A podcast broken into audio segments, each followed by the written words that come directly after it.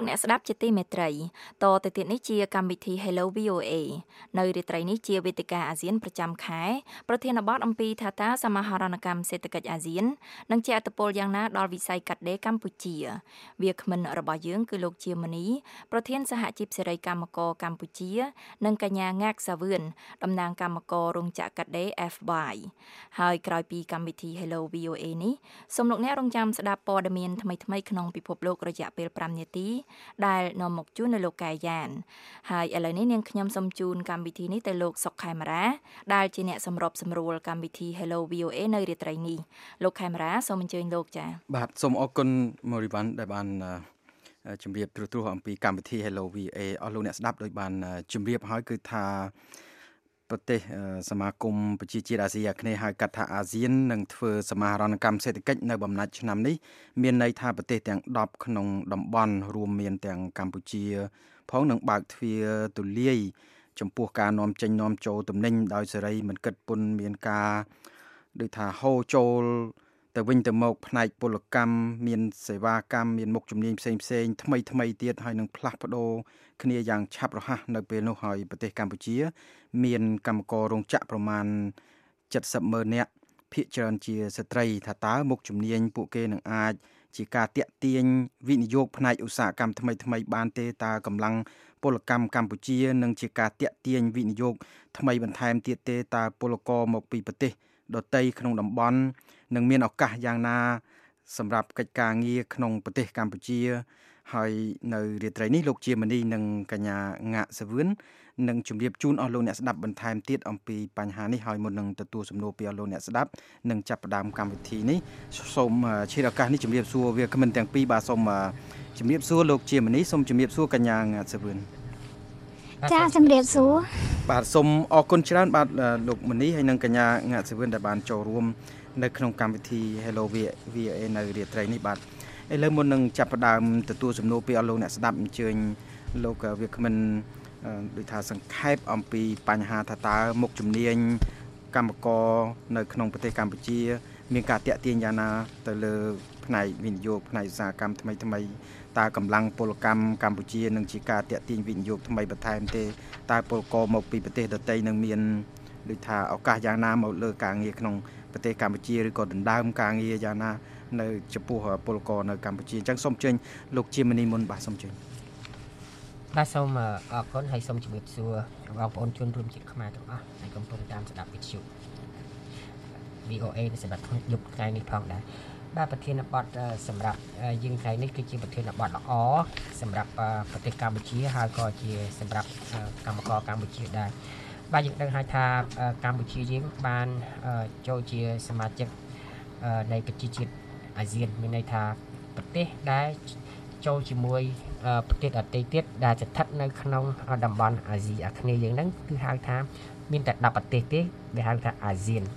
អញ្ចឹងប្រទេសកម្ពុជាយើងបានចូលជាសមាជិក2ហើយទី1យើងបានចូលជាសមាជិក WTO គឺមានន័យថាគឺជាប្រទេសមួយដែលអាចប្រកួតប្រជែង នៅលើនៅលើទីផ្សារពិភពលោកក្នុងការនាំសម្លៀកបំពាក់ឬទំនិញគ្រប់ប្រភេទបាទទៅលក់នៅពិភពលោកបាន ហើយបច្ចុប្បន្ននេះយើងក៏ជាប្រទេសមួយស្ថិតនៅក្នុងតំបន់មួយដែរគេហៅថាសមាសមាសមាគមអាស៊ានមានន័យថាសមារហនកម្មសេដ្ឋកិច្ចបាទក្នុងហ្នឹងយើងកម្ពុជាបើយើងមើលទៅដូចជាការតាក់ទាញអ្នកវិនិយោគទុនគឺ មិនសូវជាមានការតាក់ទាញប្រមាណដោយសារតែកម្លាំងពលកម្មរបស់យើងមានហើយក៏ប៉ុន្តែមានកម្រិតយល់ដឹងទៀបជាពិសេសផ្នែកខាងបច្ចេកទេសដោយយើងខ្ញុំមើលឃើញថាកម្មករកម្មការិនីជាស្ត្រីភាគច្រើនបានបញ្ចប់ការសិក្សានៅតាមសាលានានាដោយសារគាត់បញ្ចប់ដោយបង្ខំមានន័យថា ជីវភាពឪពុកម្ដាយក្រីក្រ កូនរៀនអត់បានខ្ពង់ខ្ពស់អឺយើងមើលថាយើងបច្ចុប្បន្នយើងយើងធ្វើកសិកម្មគឺពឹងផ្អែកទៅលើអឺអាកាសធាតុអញ្ចឹងយើងអត់អាចអឺធ្វើដោយធារាសាស្ត្របច្ចេកទេសឬក៏អឺមធ្យោបាយធនធ្ងន់ដូចជា tractor អីទេអញ្ចឹងអ្នកដែលបញ្ចប់ការសិក្សានឹងបានវិលមកធ្វើការងារនៅក្នុងឧស្សាហកម្មកាត់ដេរឧស្សាហកម្មកាត់ដេរមានតែ យកតែកម្មករកម្មការនេះជាស្ត្រីរីឯបរិបរអត់យកទៀតចំណែកឯនិស្សិតក្នុងមួយឆ្នាំមួយឆ្នាំបញ្ចប់ការសិក្សាច្រើនប៉ុន្តែដោយសារតែក្រសួងការងារបណ្ដុះបណ្ដាលវិជ្ជាជីវៈយើងមានតែអឺការិយាល័យឬក៏មជ្ឈមណ្ឌលបណ្ដុះបណ្ដាលវិជ្ជាជីវៈតាមបណ្ដាខេត្តក្រុងមែនប៉ុន្តែអត់មានឃើញការបណ្ដុះបណ្ដាលជំនាញវិជ្ជាជីវៈដល់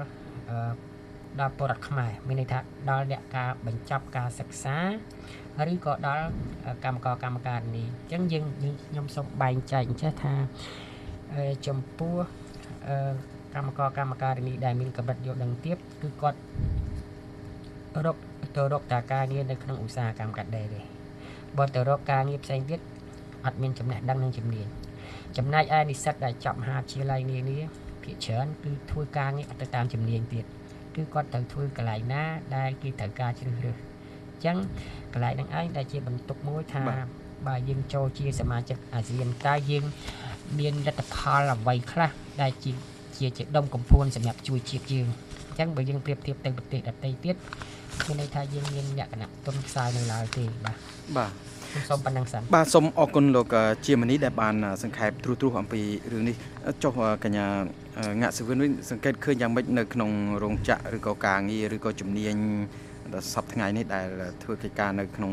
រោងចក្របើធៀបទៅនឹងកិច្ចការងារមកពីផ្សេងផ្សេងឬក៏ធៀបទៅនឹងពលកម្មពលករប្រទេសផ្សេងផ្សេងនោះបាទចាខ្ញុំសូមជម្រាបសួរដល់បងប្អូនដែលតាមដានស្ដាប់ VOD VOA ទាំងក្នុងប្រទេសនិងក្រៅប្រទេសអឺសូមអរគុណនៅសំណួរដែលលោកពូខេមរាបានលើកឡើងសួរមកដល់នាងខ្ញុំដែលជាកម្មការនីមួយរូបដែលកំពុងដល់បម្រើការនៅក្នុងរោងចក្រ AVI ដែលស្ថិតអឺជារោងចក្រមួយដែលផលិតអឺសម្លៀកបំពាក់ដូចជាខោអាវល្ងាខោអាវល្ងានាំទៅសហភាពអឺរ៉ុបជាដើមប៉ុន្តែអ្វីដែលលោកពូបានលើកឡើងមកសួរខ្ញុំនៅពេលនេះខ្ញុំគិតថា កម្មករកម្មការនីដែលនៅក្នុងប្រជាណាចក្រកម្ពុជាគាត់បម្រើការសប្តាហ៍នេះมันអាចទទួលបាន ការងារដែលជាជំនាញខ្ពស់ក្នុងការប្រកបអាជីពរបស់គាត់ទៅថ្ងៃអនាគតទេហេតុអីបានខ្ញុំលើកបែបនេះពីព្រោះនៅក្នុងរោងចក្ររបស់ខ្ញុំមានជនជាតិយួនដែលជាជនជាតិចំណាក់ស្រុកមកពីប្រទេសដែលស្ថិតនៅក្នុងថ្នាក់តំបន់អាស៊ានដែរដែលគាត់ ទទួលបានប្រាក់បៀវត្សខ្ពស់ជាងកម្មករដែលគាត់ធ្វើការនៅក្នុងប្រទេសដែលមិនមានការចំណាក់ស្រុកដោយភាពជាក់ស្ដែងខ្ញុំសូមលើកមួយទៅចោះក្នុងមួយថ្ងៃកម្មករយួនដែលគាត់ចំណាក់ចូលមកក្នុងប្រទេសកម្ពុជាយើង1ម៉ោងគាត់ទទួលបានប្រាក់1ដុល្លារហើយកម្មករយើងគាត់ធ្វើការ8ម៉ោងគឺទទួលបានប្រាក់ត្រឹមតែ4ដុល្លារ92សេនទេអញ្ចឹងសួរថា គំនាបរវាងកម្មករដែលស្ថិតនៅក្នុងស្រុកហើយនឹងកម្មករជនជាតិយួនដែលចំណាក់ស្រុកចូលមកប្រទេសកម្ពុជាចឹងវាមានតម្លាភាពនិងផ្ដល់លទ្ធភាពស្មើគ្នាទេចំពោះកិច្ចការងារនៅក្នុងរោងចក្រកម្ពុជាឬមួយក៏ផ្នែកនៃតំបន់អាស៊ានទៅថ្ងៃមុខខ្ញុំមានតែប៉ុណ្្នេះបាទសូមអរគុណច្រើនកញ្ញាងាក់សិវឿនបាទលោកអាត់ធុនប្រធានសហជីព សម្ព័ន្ធសហជីពប្រជាធិបតេយ្យកម្មករកាត់ដេរកម្ពុជាក៏បានថ្លែងដែរថាវិស័យឧស្សាហកម្មកាត់ដេរនៅកម្ពុជាទំនងជាមានការប្រែប្រួល នៅពេលឆ្នាំខាងមុខខាងមុខទៀតនៅពេលដែលមានតម្រូវការឧស្សាហកម្មផ្សេងផ្សេងបាទអញ្ចឹងសូមស្ដាប់ប្រសាសន៍លោកអាតុនបន្តិចសិនប៉ុន្តែក្រោយពី10ឆ្នាំទៅវាជាអាចមានការប្រែប្រួលខ្លះព្រោះយើងមិនអាចទេបានដោយសារតែវាហើយជាអាចមានឧស្សាហកម្មថ្មីមួយចំនួនឬក៏ អាចជិះថាទៅជំនាញកម្មករយើងវាអាចកើនឡើងតែវាអាចនាំចូលនៅចំនួននៃការផលិតខ្ពស់ជាងមុនវាអាចច្រើនជាងហ្នឹងឬក៏វាអាចទៀតជាងហ្នឹងវាអាចនៅដដែលប៉ុន្តែក្នុងរយៈពេល4 5ឆ្នាំនេះគឺអត់ទេដោយសារតែកម្ពុជាយើងគឺយើងដេរតែមុខទំនិញអីវ៉ាន់ដែលគេហៅថាងាយងាយតែនាំចេញទៅអឺរ៉ុបនាំទៅអាមេរិកហ្នឹងមិនដេរដូចជាប្រភេទ អីវ៉ាន់ទំនើបអីវ៉ាន់ថ្លៃអីវ៉ាន់ដេរនៅក្នុងតម្លៃមួយរាប់ពាន់ដុល្លារទេអត់ទេយើងដេរក្នុងតម្លៃតាប់ចាប់ពី4 5ដុល្លារហូតដល់ត្រឹម3 4 500ដុល្លារក្នុងមួយកាផ្លេចឹងទេបាទនេះជាប្រសាសន៍របស់លោកអាត់ធុនហើយលោកបញ្ជាក់ថា នៅ ក្នុងប្រទេសកម្ពុជាទំនងជាអាចនឹងមានការតាក់ទាញវិនិយោគពីព្រោះថាច្បាប់នៅកម្ពុជាមិនតម្រូវឲ្យមានការដាក់ទុនវិនិយោគច្រើនឬក៏យ៉ាងណាប៉ុន្តែមិនដឹងថា ការនេះលោកមនីយល់ស្របឬក៏យ៉ាងណាហើយមួយទៀតលោកថាកិច្ចព្រមព្រៀងទ្វេភាគីជាប្រទេសអភិវឌ្ឍតិចតួចដូចជាកម្ពុជានេះគឺថាពេលនាំចេញហ្នឹងមិនគិតពន្ធអីចឹងហើយនៅប្រទេសវៀតណាមថៃគេគិតពន្ធនៅភូមាគេមានការតានតឹងច្រើនចំពោះផ្នែកវិនិយោគដូច្នេះនេះជាឱកាសល្អសម្រាប់កម្ពុជាដែរឥឡូវមុននឹងជូនវេទិកានេះទៅដល់លោកជាមនីនិងកញ្ញាងាក់សាវឿន សូមទទួលសំណួរតាមទូរស័ព្ទមួយពីលោកសយនៅភ្នំពេញបាទសូមជំរាបសួរលោកសយបាទមានសំណួរសូមអញ្ជើញសួរទៅកាន់វាគ្មិនបាទបាទខ្ញុំបាទយកសយសូមគោរពដល់លោកវាគ្មិនសូមគោរពដល់បងប្អូនទាំងអស់ដែលបានស្ដាប់ VOA នៅពេលនេះបាទសូមថ្លែងអរគុណដល់បានទទួលចូលរួមក្នុងអង្គពិធីណាបាទសូមមានគឺថាមិនជាចម្ងល់អីធំដុំណាណាទេអំពីបញ្ហាថាតើចំណេញ ដល់តែពេលដែលកម្ពុជាយើងចូលជាសមាជិកគឺពេញលេញក្នុងសហគមន៍អាស៊ានទៅតើគេមានកំណត់កំណត់ជាចំណេញប្រភេទស្អីខ្លះទៅតែត្រូវបានលើកចូលទីផ្សារឧទាហរណ៍ថាខ្មែរយើងមានស្អីហើយយើងចំណាំថាតើរបស់ជាខ្មែរនេះតើប្រភេទចំណេញអីខ្លះហើយតើមានចំណេញណាខ្លះដែរឬទេដែលគេ មិនអនុញ្ញាតឲ្យចូលផ្សារនេះជាសំណួររបស់ខ្ញុំណាសំណួរទី1ប៉ុណ្ណឹងថាតើមានចំណេញស្អីខ្លះទៅដែលគេកំណត់ថាมันចូលក្នុងទីផ្សារអេអាស៊ានបានវាហៅថាតែយើងអត់មានអីគេទេក្រៅពីកាប់ដេហ្នឹងវាមានឧទាហរណ៍ដូចថាសិប្បកម្មផ្ដៅឫស្សីទី1ទី2ទៀតស្រាសនិងទី3ទៀតជាចំណៃ ប្រភេទរបៀបកាឡានរបៀបជំនុំចំណៃថានេះមិនទៅវិញដែរបាទសម្រាប់សូមជំនួសសូមអរគុណលោកយុសយនៅភ្នំពេញចឹងសូមចេញលោកជាមនីមុនចុះបាទសូមចេញបាទសូមអរគុណសម្រាប់ជំនួសរបស់លោកយុសយបាទខ្ញុំជំរាបថានៅពេលដែលប្រទេសជាសមាជិកមានចំនួនប្រទេស10ដែលជាសមាជិកនៃអាស៊ាននឹងឯងគឺក្នុងនោះគេបើកទូលាយ ឲ្យមានតំណែងដែលគេគិតថាគឺជាតំណែងដែលមិនខុសច្បាប់តំណែងដែលគេគិតថាវាមិនមែនជាគ្រឿងញៀនហើយក៏មិនមែនជាអ្វីដែលជាធ្វើឲ្យប៉ះពាល់ដល់ប្រទេសនីមួយៗអញ្ចឹងបើសិនជាតំណែងដូចជាមហូបមហាអ្វីហ្នឹងគឺថាគេមិនមិនមិនជំទាស់ទេឲ្យតែយើងមានទីផ្សារណា ដែលយើងអាចយកទៅលក់តាមការបញ្ជាទិញរបស់គេបានឧទាហរណ៍ដូចជា ការវិចខ្ចប់នៅរបស់របរជាច្រើនដែលយើងមានដូចជាអង្ករដូចជាខោអាវដូចជារបស់របរណាដែលយើងគិតថាប្រទេសណាមួយដែលគេតម្រូវប៉ុន្តែប្រទេសដែលគេតម្រូវនឹងយើងមិនមែនថាលក់តែនៅក្នុងប្រទេសទាំង10នៃសមាជិកអាស៊ានទេយើងអាចលក់ទៅទីផ្សារអឺរ៉ុបទៀតអាចលក់ទៅសហរដ្ឋអាមេរិកក៏បានទីផ្សារអឺរ៉ុបក៏បានអាហ្នឹង ជាតម្រូវការមួយដែលចាំបាច់នៅចំពោះប្រទេសមួយដែលគេឲ្យយើងធ្វើ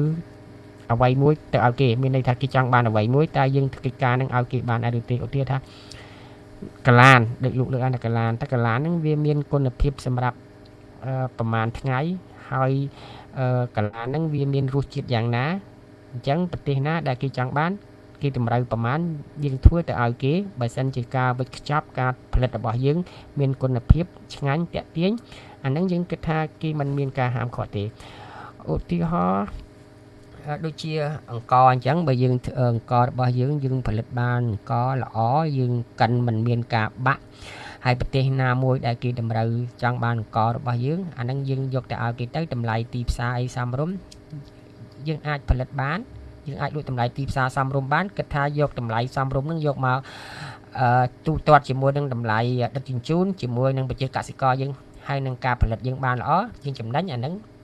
យើងអាចយើងអាចនាំចេញទៅបានគេអត់មានការហាមឃាត់ទេអញ្ចឹងសម្រាប់អឺសមាជិកអាស៊ានវាមានតម្លៃល្អក៏ប៉ុន្តែគ្រាន់ថាតើប្រទេសកម្ពុជាយើងនឹងយើងបានរៀបចំខ្លួនយើងហើយឬនៅ ក្នុងការប្រកួតប្រជែងព្រោះការប្រកួតប្រជែងនេះគឺជាទីផ្សារសេរី ដូច្នេះពុំមានការហាមឃាត់ណាមួយទេឲ្យតែផលិតផលរបស់យើងមានគុណភាព ដែលគេអាចទទួលយកបានបាទលោកនេះនៅពេលនឹងតើដូចជាបញ្ហាដូចជាការនាំតំណែងចេញចូលនឹងជារឿងមួយប៉ុន្តែសេវាកម្មទៅវិញដូចថាបុគ្គលិកពីប្រទេសផ្សេងទៅឬក៏បុគ្គលិកពីប្រទេសកម្ពុជាទៅធ្វើការនៅប្រទេសផ្សេងវិញតើចរន្តនេះអាចនឹងមានការប្រែប្រួលយ៉ាងណានៅថ្ងៃខាងមុខទៀត តាមការស្ទង់របស់លោកមើលបើតាមខ្ញុំសម្លឹងមើលថានៅក្នុងប្រទេសកម្ពុជា គឺអត់មានឧស្សាហកម្មណា ដែលខ្លួនយើងធ្វើដោយខ្លួនឯងទេសប្តាហ៍ហ្នឹងដូចខ្ញុំជម្រាបខាងដើមអញ្ចឹងថានិស្សិតមួយចំនួន ដែលបញ្ចប់ការសិក្សាឬក៏ប្រជាពលរដ្ឋមួយចំនួន ដែលបាត់បង់ការងារហ្នឹងដែលបាត់បង់ការសិក្សាហ្នឹងគាត់ធ្វើចំណាក់ស្រុកអញ្ចឹងកាលណាគាត់ធ្វើចំណាក់ស្រុកគឺគាត់ ទៅធ្វើការនៅប្រទេសដទៃទៀតអញ្ចឹងយើងបកមកវិញថាហេតុអីបានជាគាត់ទៅធ្វើការនៅក្រៅប្រទេសដោយសារយើងអត់មានការងារឲ្យគាត់ធ្វើយើងអត់មានទីផ្សារការងារឲ្យគាត់ហើយយើងពិនិត្យមើលទៀតថារដ្ឋាភិបាលយើងអត់មានវិធានការក្នុងការបដោះបដាលបច្ចេកទេសអ្វីដែលយើងគិតថាគឺជាបច្ចេកទេសសម្រាប់ គាត់យកទៅប្រើប្រាស់គេហៅថាវិជាជីវៈរបស់គាត់ទៅថ្ងៃអនាគតហ្នឹងគឺអត់មានទេចឹងថ្ងៃអនាគតខ្ញុំគិតថាអឺបរដ្ឋកម្ពុជា អាចធ្វើចំណាក់ស្រុកច្រើន ពីព្រោះនៅក្នុងប្រទេសកម្ពុជាអត់មានអឺការងារណាដុំកពួនណា ដែលអាចឲ្យបរដ្ឋរបស់ខ្លួន ធ្វើបានគ្រប់គ្រាន់ទេយើងមើលថាឧស្សាហកម្មកាត់ដេរមួយយកតែ កម្មករកម្មការីដែលជាស្ត្រីឯងបរោះបរោះអត់យកសុទ្ធហើយយើងមានតែឧស្សាហកម្មកាត់ដេរនឹងមួយនឹងក្រៅពីនឹងតើមានអ្វីទៀតបើសំណង់គឺមានន័យថាភាគច្រើនគឺគេប្រើកម្មករពីប្រទេសវៀតណាមវិញបាទបាទប៉ុន្តែមានសំណួរមួយពីលោកនងស្រីបុតដែលសួរថាបើសិនជា មានការបញ្ចប់ការលើកលែងពន្ធរបស់សហភាពអឺរ៉ុបនិងអាមេរិកមកលើកម្ពុជាតើវិស័យកាត់ដេរនៅកម្ពុជានឹងវានឹងប៉ះទង្គិចប៉ុណ្ណាលោកអាចបញ្ជាក់ដោយសង្ខេបបានបាទ បើសិនជាមានការអនុគ្រោះទៀតគឺអត់មានការប៉ះទង្គិចទេចំពោះកម្ពុជាពីព្រោះកម្ពុជាយើងបានចូលជាសមាជិក WTO ហើយហ្នឹងអញ្ចឹងយើងអត់មានអ្វីដែលគេអនុគ្រោះឲ្យយើងទៀតទេគឺយើងមានការប្រកួតប្រជែងទាំងអស់គ្នាអញ្ចឹងអត់មានគេលំអៀងមកលើយើងទេអញ្ចឹងឥឡូវខ្ញុំខ្ញុំខ្ញុំខ្ញុំឆ្លៀតឱកាសនេះខ្ញុំខ្ញុំឆ្លើយនឹងសំណួរយ៉ាងខ្លីថាជាកត្តាមួយដែលលំបាកដោយសារ នៅក្នុងប្រទេសកម្ពុជាយើងនៅពេលដែលអ្នកមកវិនិយោគទៅក្នុងប្រទេសកម្ពុជាគេតែងតែរអ៊ូរទាំនឹងការលំបាកក្នុងអង្គើពុករលួយច្រើនពេកជាពិសេសតំណែងគេបើគេធ្វើហើយក្នុងការដែលគេធ្វើការនាំចេញគឺត្រូវគេរត់អ្វីខ្លះដើម្បីឲ្យរត់តំណែងគេនឹងចេញទៅបានគេត្រូវការប្រើប្រាស់លុយទី2ការដឹកជញ្ជូនរបស់យើងមានលក្ខណៈថ្លៃទី3ការមិនទុកចិត្តគ្នាទៅលើ ផ្លូវច្បាប់ មានន័យថាមានផ្ទុះឡើងនៅអង្គើកោតកម្មបាតកម្មជាច្រើនរវាងនយោជកហើយនិងកម្មករនឹងឯងបាទបាទសូមអរគុណលោកជាមនីដែលបានសង្ខេបទូទៅអំពីរឿងនេះលោកអ្នកកំពុងស្ដាប់កម្មវិធី Hello VOA Direct from Washington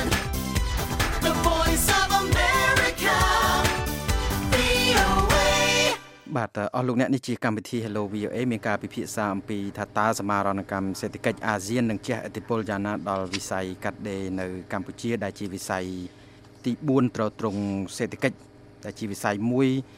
សំខាន់នៅក្នុងចំណោមវិស័យទាំង4ដែលត្រត្រង់សេដ្ឋកិច្ចដ៏សំខាន់របស់ប្រទេសកម្ពុជាក្នុងចំណោមដូចជាវិស័យកសិកម្មសំណង់និងទេសចរនោះបាទឥឡូវមុននឹងទទួលសំណួរពីលោកអ្នកស្ដាប់សូមជូនវេទិកានេះទៅជូនកញ្ញា កញ្ញាងាក់សវឿនខ្ញុំចង់ដឹងថាតើមុខជំនាញថ្មីផ្សេងផ្សេងទៀតកម្មករកម្មការិនីនៅក្នុងរោងចក្រចង់បានមុខជំនាញថ្មីទេហើយតើធ្លាប់បានទទួលការវឹកវើយ៉ាងណាខ្លះពីរដ្ឋាភិបាលក្តីពីអង្គការក្រៅរដ្ឋាភិបាលក្តីតើកញ្ញាអាចបញ្ជាក់បានអំពីរឿងនេះតើមានប្រយោជន៍យ៉ាងម៉េចបើសិនជាមានឬក៏មិនមានបាទនៅពេលនេះបាទ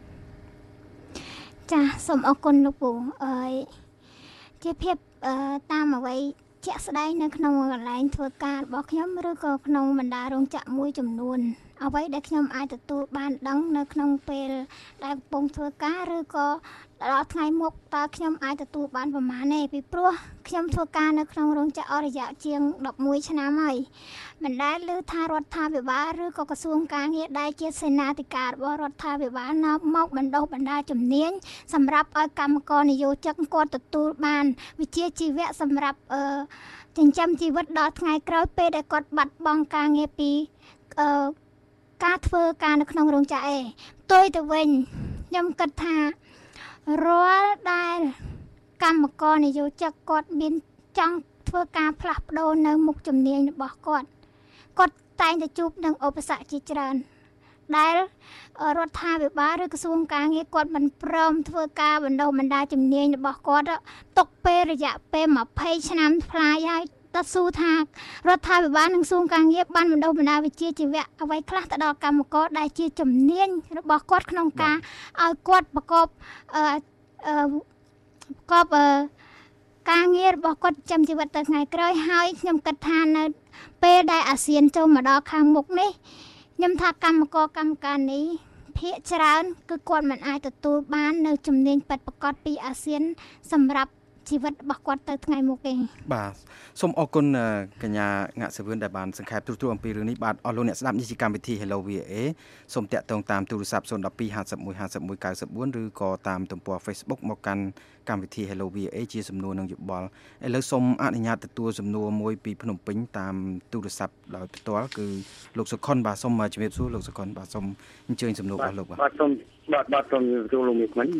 សូមជំរាបសួរលោកជាមនីនិង សូមជំរាបសួរបងប្អូនហើយខ្ញុំសូមដាក់ជំរាបទៅលោកជាមនីថាតើសហជីពរបស់លោកមានយុទ្ធសាស្ត្រអ្វីខ្លះដើម្បីប្រកួតប្រជែងសមារណកម្មសមារណកម្មធាននៅថ្ងៃខាងមុខហើយខ្ញុំសូមសួរទៅបងប្អូនទៅវិញដែរទោះថាតើកម្មករទាំងអស់ដែលកំពុងបម្រើការនៅក្នុងរោងចក្រមានជំនាញអ្វីខ្លះដើម្បីប្រកួតប្រជែងជាមួយកម្មករសមារណកម្មធានខាងមុខបាទ សូមអរគុណសូមជម្រាបលាបាទសូមអរគុណបាទលោកសុខុនអញ្ចឹងសូមចេញលោកមនីមុនបាទអឺសហជីពយើងគឺមានយុទ្ធសាស្ត្រសម្រាប់បណ្ដោះបណ្ដាលធនធានកម្មករកម្មការីនេះភាពជាអ្នកដឹកដឹកនាំហើយយើងអឺនឹងធ្វើកិច្ចសហប្រតិបត្តិការជាមួយនឹងអង្គការជាដៃគូនានាដើម្បីឲ្យគេមកបណ្ដោះបណ្ដាលមេដឹកនាំរបស់យើងឬ ចំណាយពេលវេលា ដើម្បីបណ្ដោះបណ្ដាលកម្មករកម្មការីនេះឲ្យទទួលយកជំនាញផ្សេងផ្សេងដែលយើងគិតថាជាជំនាញមួយសម្រាប់ទៅថ្ងៃអនាគតខ្ញុំសូមលើកឧទាហរណ៍មួយអឺយើងសប្តាហ៍នេះយើងមានតែឧស្សាហកម្មកាត់ដេរទេអញ្ចឹងការកាត់ដេរគឺកម្មករកម្មការីនេះគាត់អាចកាត់ដេរបានគាត់អាចធ្វើបានក្នុងរយៈពេលតែមួយសប្តាហ៍ទេប៉ុន្តែក្រៅពីការកាត់ដេរ គាត់មិនអាចទៅធ្វើអ្វីទៀតបានទេឧទាហរណ៍ដូចជាបើសិនជាមានក្រុមហ៊ុនជប៉ុនចូលមកគេចង់ឲ្យកម្មករកម្ពុជាយើងចង់ផលិតខ្សែភ្លើងឬក៏ចង់ធ្វើជាគ្រឿងអេឡិចត្រូនិកណាមួយដាច់ខាតគឺយើងត្រូវតែបណ្ដុះបណ្ដាលជំនាញរបស់គាត់ពីព្រោះការផលិតខ្សែភ្លើងឬការផលិតគ្រឿងអេឡិចត្រូនិកផ្សេងផ្សេងទៀតគឺដាច់ខាតត្រូវតែមើលអំពីសិញរបស់វា អញ្ចឹងកម្មករកម្ពុជាបច្ចុប្បន្នបើសិនជាកម្មករកម្ពុជាកម្មករកម្ពុជាហ្នឹងមានមជ្ឈមណ្ឌលអឺបដោះបដាវិជ្ជាជីវៈពិតប្រាកដហើយយើងខ្ញុំនឹងជំរុញឲ្យកម្មករកម្មការិនីទៅបណ្ដុះបណ្ដាលតាមរយៈក្រសួងប៉ុន្តែយើងឃើញថាក្រសួងអត់មាន វិធានការក្នុងការបណ្ដុះបណ្ដាលអញ្ចឹងសហជីពយើងខ្ញុំមានតែធ្វើកិច្ចសហប្រតិបត្តិការជាមួយនឹងបរទេសទេដើម្បីឲ្យគេជួយបណ្ដុះបណ្ដាលកម្មករនិងបង្រៀនកម្មករជំនាញផ្សេងផ្សេងទៀតដែលគេគិតថាជាជំនាញមួយសម្រាប់អឺទីផ្សារនៃអាស៊ាន បាទអញ្ចឹងមានន័យថានៅពេលដែលកម្មករកម្មការិនីជាច្រើនឬក៏ប្រជាពលរដ្ឋដូចថាក្រមអាយុអាយុក្មេងៗជាច្រើនអត់មានជំនាញអីសោះអានឹងជាការបង្អាក់ វិនិយោគទុនធំធំជាច្រើនសម្រាប់ប្រទេសកម្ពុជាបច្ចុប្បន្នឬតាំងពីអតីតកាលមកឬក៏យ៉ាងណាតាមលោកមើលទៅបាទជាជាជាការពិតនៅពេលដែលគេមកវិនិយោគក្នុងប្រទេសកម្ពុជាគេតែងតែសួរគេតែងតែសួរថាគេចង់ផលិតអានេះអានេះអានេះឧទាហរណ៍ថាឥឡូវគេចង់ធ្វើជាគ្រឿងអេឡិចត្រូនិកឧទាហរណ៍ថាសម្បកទូរស័ព្ទកញ្ចក់ចឹងគេសួរថាតើកម្មករកម្ពុជាហ្នឹង បើគេចង់ធ្វើ